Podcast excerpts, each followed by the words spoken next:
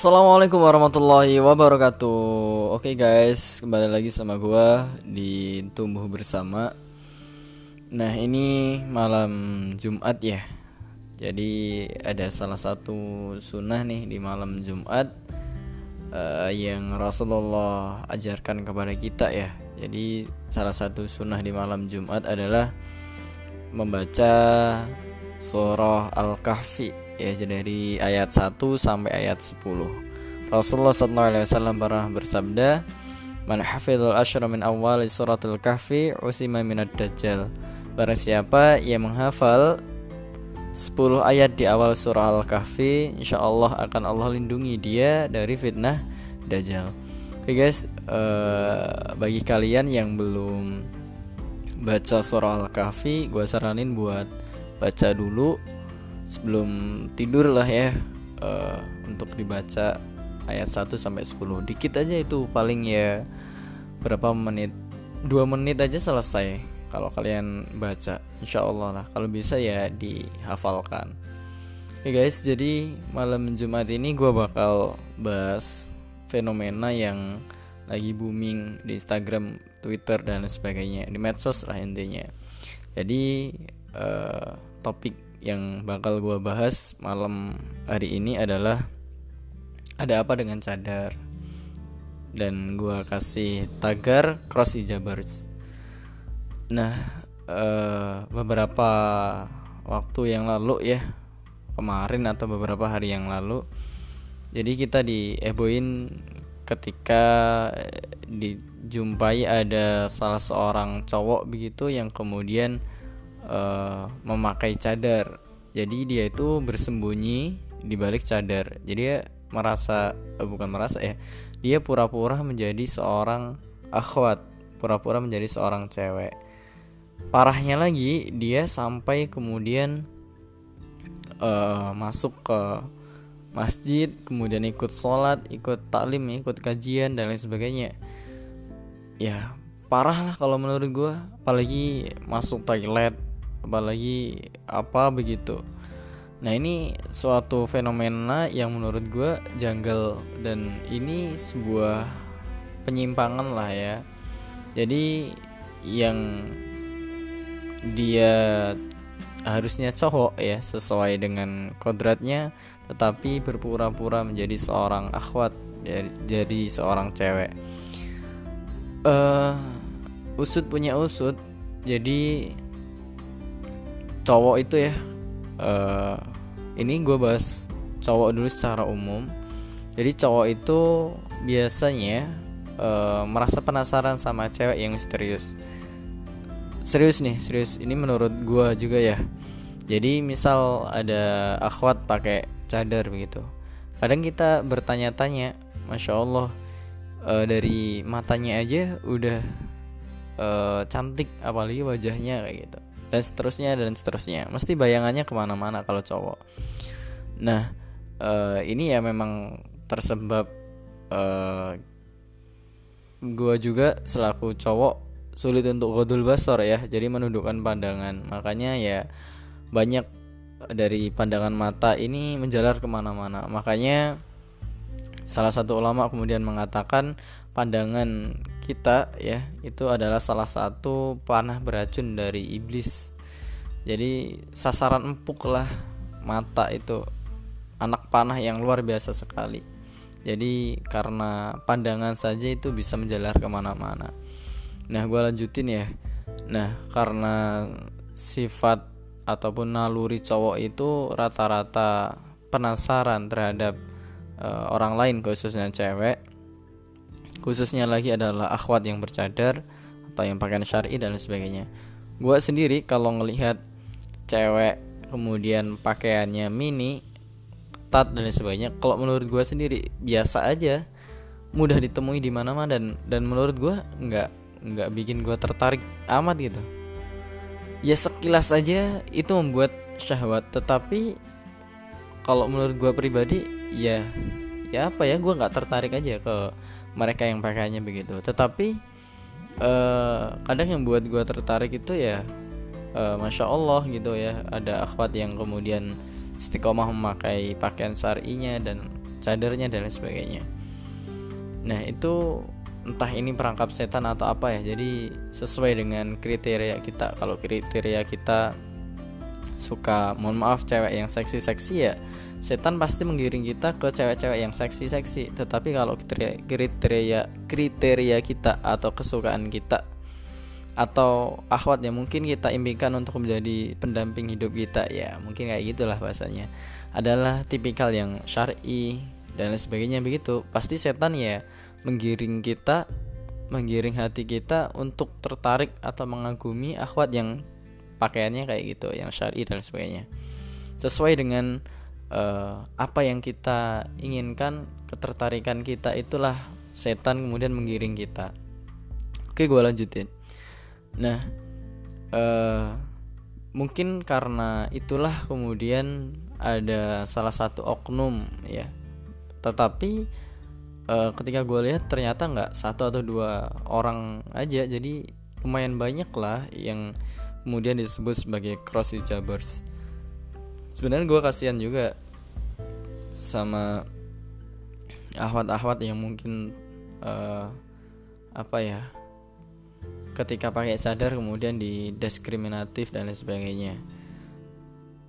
Atau mungkin dianggap teroris dan lain sebagainya. Tetapi akhir-akhir ini Eh, pandangan itu agaknya memudar ya paradigma seseorang di luar ataupun masyarakat secara umum ya karena saking banyaknya yang memakai cadar ya biasa saja. Nanti gue bakalan bahas juga soal cadar. Uh, tadi gue ngobrol sama cowok dan ada kisah menarik terkait tentang ahwat bercadar. Tetapi gue bahas dulu tentang cross jabers ini. Nah, uh, ini salah satu penyakit teman-teman. Jadi uh, fenomena yang entahlah aneh lah di akhir zaman ini banyak orang-orang aneh begitu. Yang salah satunya ya sebagaimana hadis Rasulullah ya mata sabah bikomin minhum. Jadi barang siapa yang menyerupai suatu kaum maka dia termasuk dari kaum tersebut. Entah dia menyerupai orang Yahudi, Nasrani, Majusi dan lain sebagainya atau lelaki yang kemudian menyerupai perempuan atau perempuan yang kemudian menyerupai laki-laki. Nah, uh, penyakit cross hijabers ini harus segera dituntasin lah ya. Salah satunya begini buat akhwat-akhwat khususnya ya. Ketika mungkin taklim ya kajian. Makanya kalau di masjid taklim atau di ruangannya itu emang khusus untuk akhwat sendiri dalam lingkup akhwat semuanya tidak bercampur sama laki-laki kalau bercadar ya silahkan dibuka cadarnya gitu ya biar uh, saling mengenal lah ya ita'arofu jadi saling mengenal. Ya untuk mencegah itu juga misal tadi ada cross hijabers yang cowok kemudian memakai cadar ya nggak ketahuan lah kayak gitu. Jadi uh, sebenarnya gue juga nggak terima juga kalau apa namanya akhwat bercadar kemudian di apa ya istilahnya ya mencoreng akhwat bercadar gitu atau apalah ya bahasanya ya. Ya intinya ini merugikan banyak orang lah. Ya gue sendiri ngelihatnya uh, mungkin karena si cowok ini pengen tahu ya e, gimana sih rasanya cewek itu e, hidup ataupun beraktivitas di balik cadarnya kayak gitu. Gimana sih mungkin ketika dia bergaul dengan orang lain kayak gitu? Mungkin dia iseng aja tapi isengnya yang kebablasan gitu sampai kebablasan lah kalau menurut gue kayak gitu.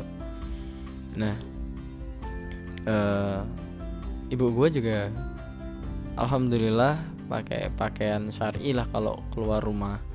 Kalau di rumah ya biasa aja kalau keluar jauh ya alhamdulillah kadang juga pakai cadar. Nah cadar sendiri sebenarnya ya fungsinya satu memang untuk menjaga diri ya. Maksudnya menutup aurat dan lain sebagainya hijab khususnya. E, tetapi apa ya sekarang ini sebenarnya gue juga nyayangin ya banyaknya akhwat-akhwat bercadar yang kemudian mohon maaf nih mohon maaf banget berlomba-lomba untuk misal jadi selebgram kayak gitu ketika followersnya sudah banyak kemudian endorse inilah endorse produk inilah inilah itulah kayak gitu.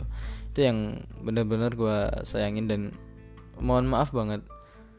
Gue itu sebenarnya nggak nggak suka sama akhwat yang masya Allah sudah syari lah sudah ngaji lah. Tetapi kemudian masih hobi posting inilah posting itulah aktivitas inilah itulah. Ya itu kalau menurut gue ya sebenarnya fungsi apa namanya pakaian syari itu khususnya adalah untuk melindungi diri menutup menutupi diri gitu. Tidak kemudian menampakkan kecantikannya fungsi dari cadar hijab dan sebagainya. Khususnya cadar atau nikop lah ya. Nah e, kalau nikop itu kelihatan matanya matanya saja ya. Tetapi kalau cadar itu kelihatan mata sampai kemudian dahinya itu perbedaan yang gua ketahui. Kalau salah ya bisa kalian benarkan lah cari literatur yang lain.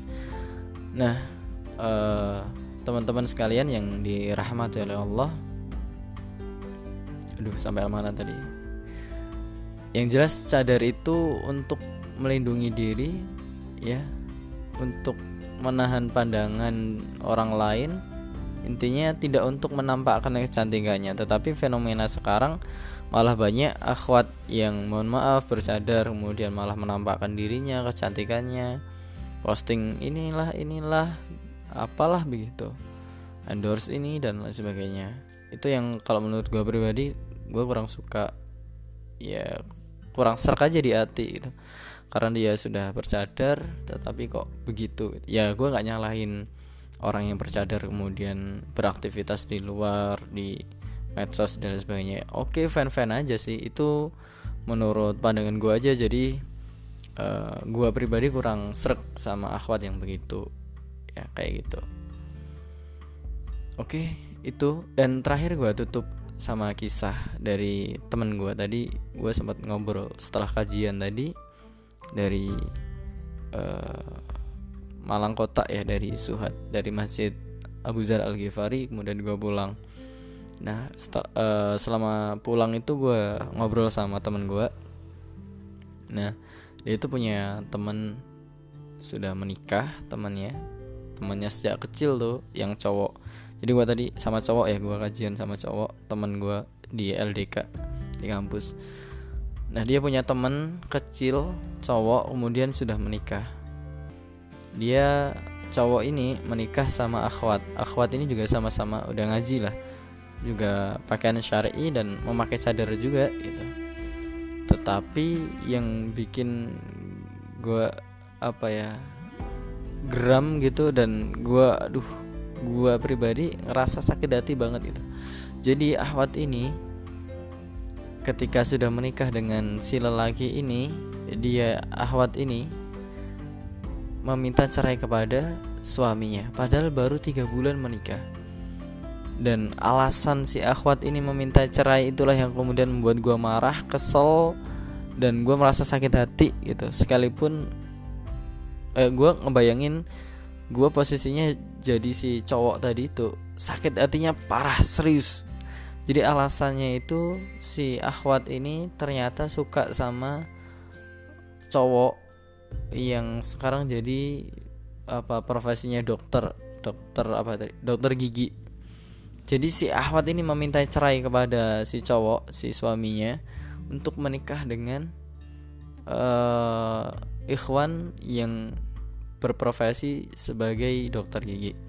Gua nggak tahu ini karena masalah ekonomi atau bagaimana. Yang jelas apa ya?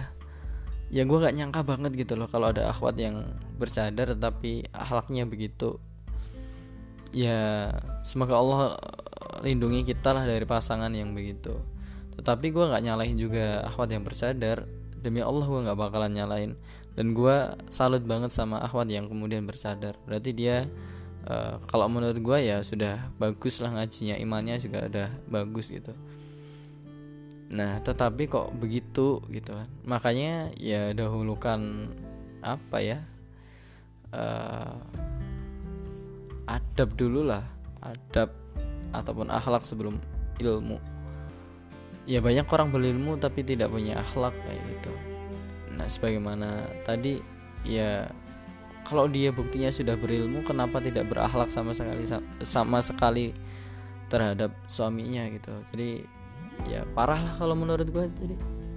Makanya uh, kalau nanti teman-teman mau nikah ya saran gue tuh taarufnya dibenerin lah. Taarufnya bener-bener. Dan kalau bisa ya kalian menikah dengan seseorang yang memang kalian sudah kenal seluk beluknya gitu lah. Jangan kemudian cuma kenal di Instagram kalian nikahin gitu kenal di Twitter kemudian kalian kepoin akhirnya nikah kenal di Facebook di mana gitu ya intinya uh, mari kita perbaiki diri kita insya Allah Allah mudahkan langkah kita Allah mudahkan jodoh kita Allah berikan yang terbaik buat kita Oke, gue kira itu uh, sharing time pada malam hari ini. Sorry agak panjang, 16 menit lah ya ini kayaknya. Ya kurang lebihnya itu teman-teman sekalian jaga dirinya baik-baik khususnya akhwat-akhwat antum itu mutiara lah ya. Jangan kemudian mutiara ini uh, jatuh di kotoran karena mutiara itu bakalan kotor kayak gitu. Ya oke. Okay gue kira itu uh, insya Allah kita sambung di lain waktu lah ya uh, mohon maaf kalau apa namanya uh, eh, gue sharingnya nggak banyak ilmu ya sekedar gue pengen ngomong aja sharing bareng kalian. Gue nggak menggurui dan lain sebagainya yang jelas kita sharing time bareng. Oke gua kira itu. Kurang lebihnya mohon maaf. Selamat malam. Jangan lupa al-kafinya dibaca ya ayat 1 sampai 10 Oke kurang lebihnya mohon maaf. Wassalamualaikum warahmatullahi wabarakatuh. Sampai jumpa di episode berikutnya. Bye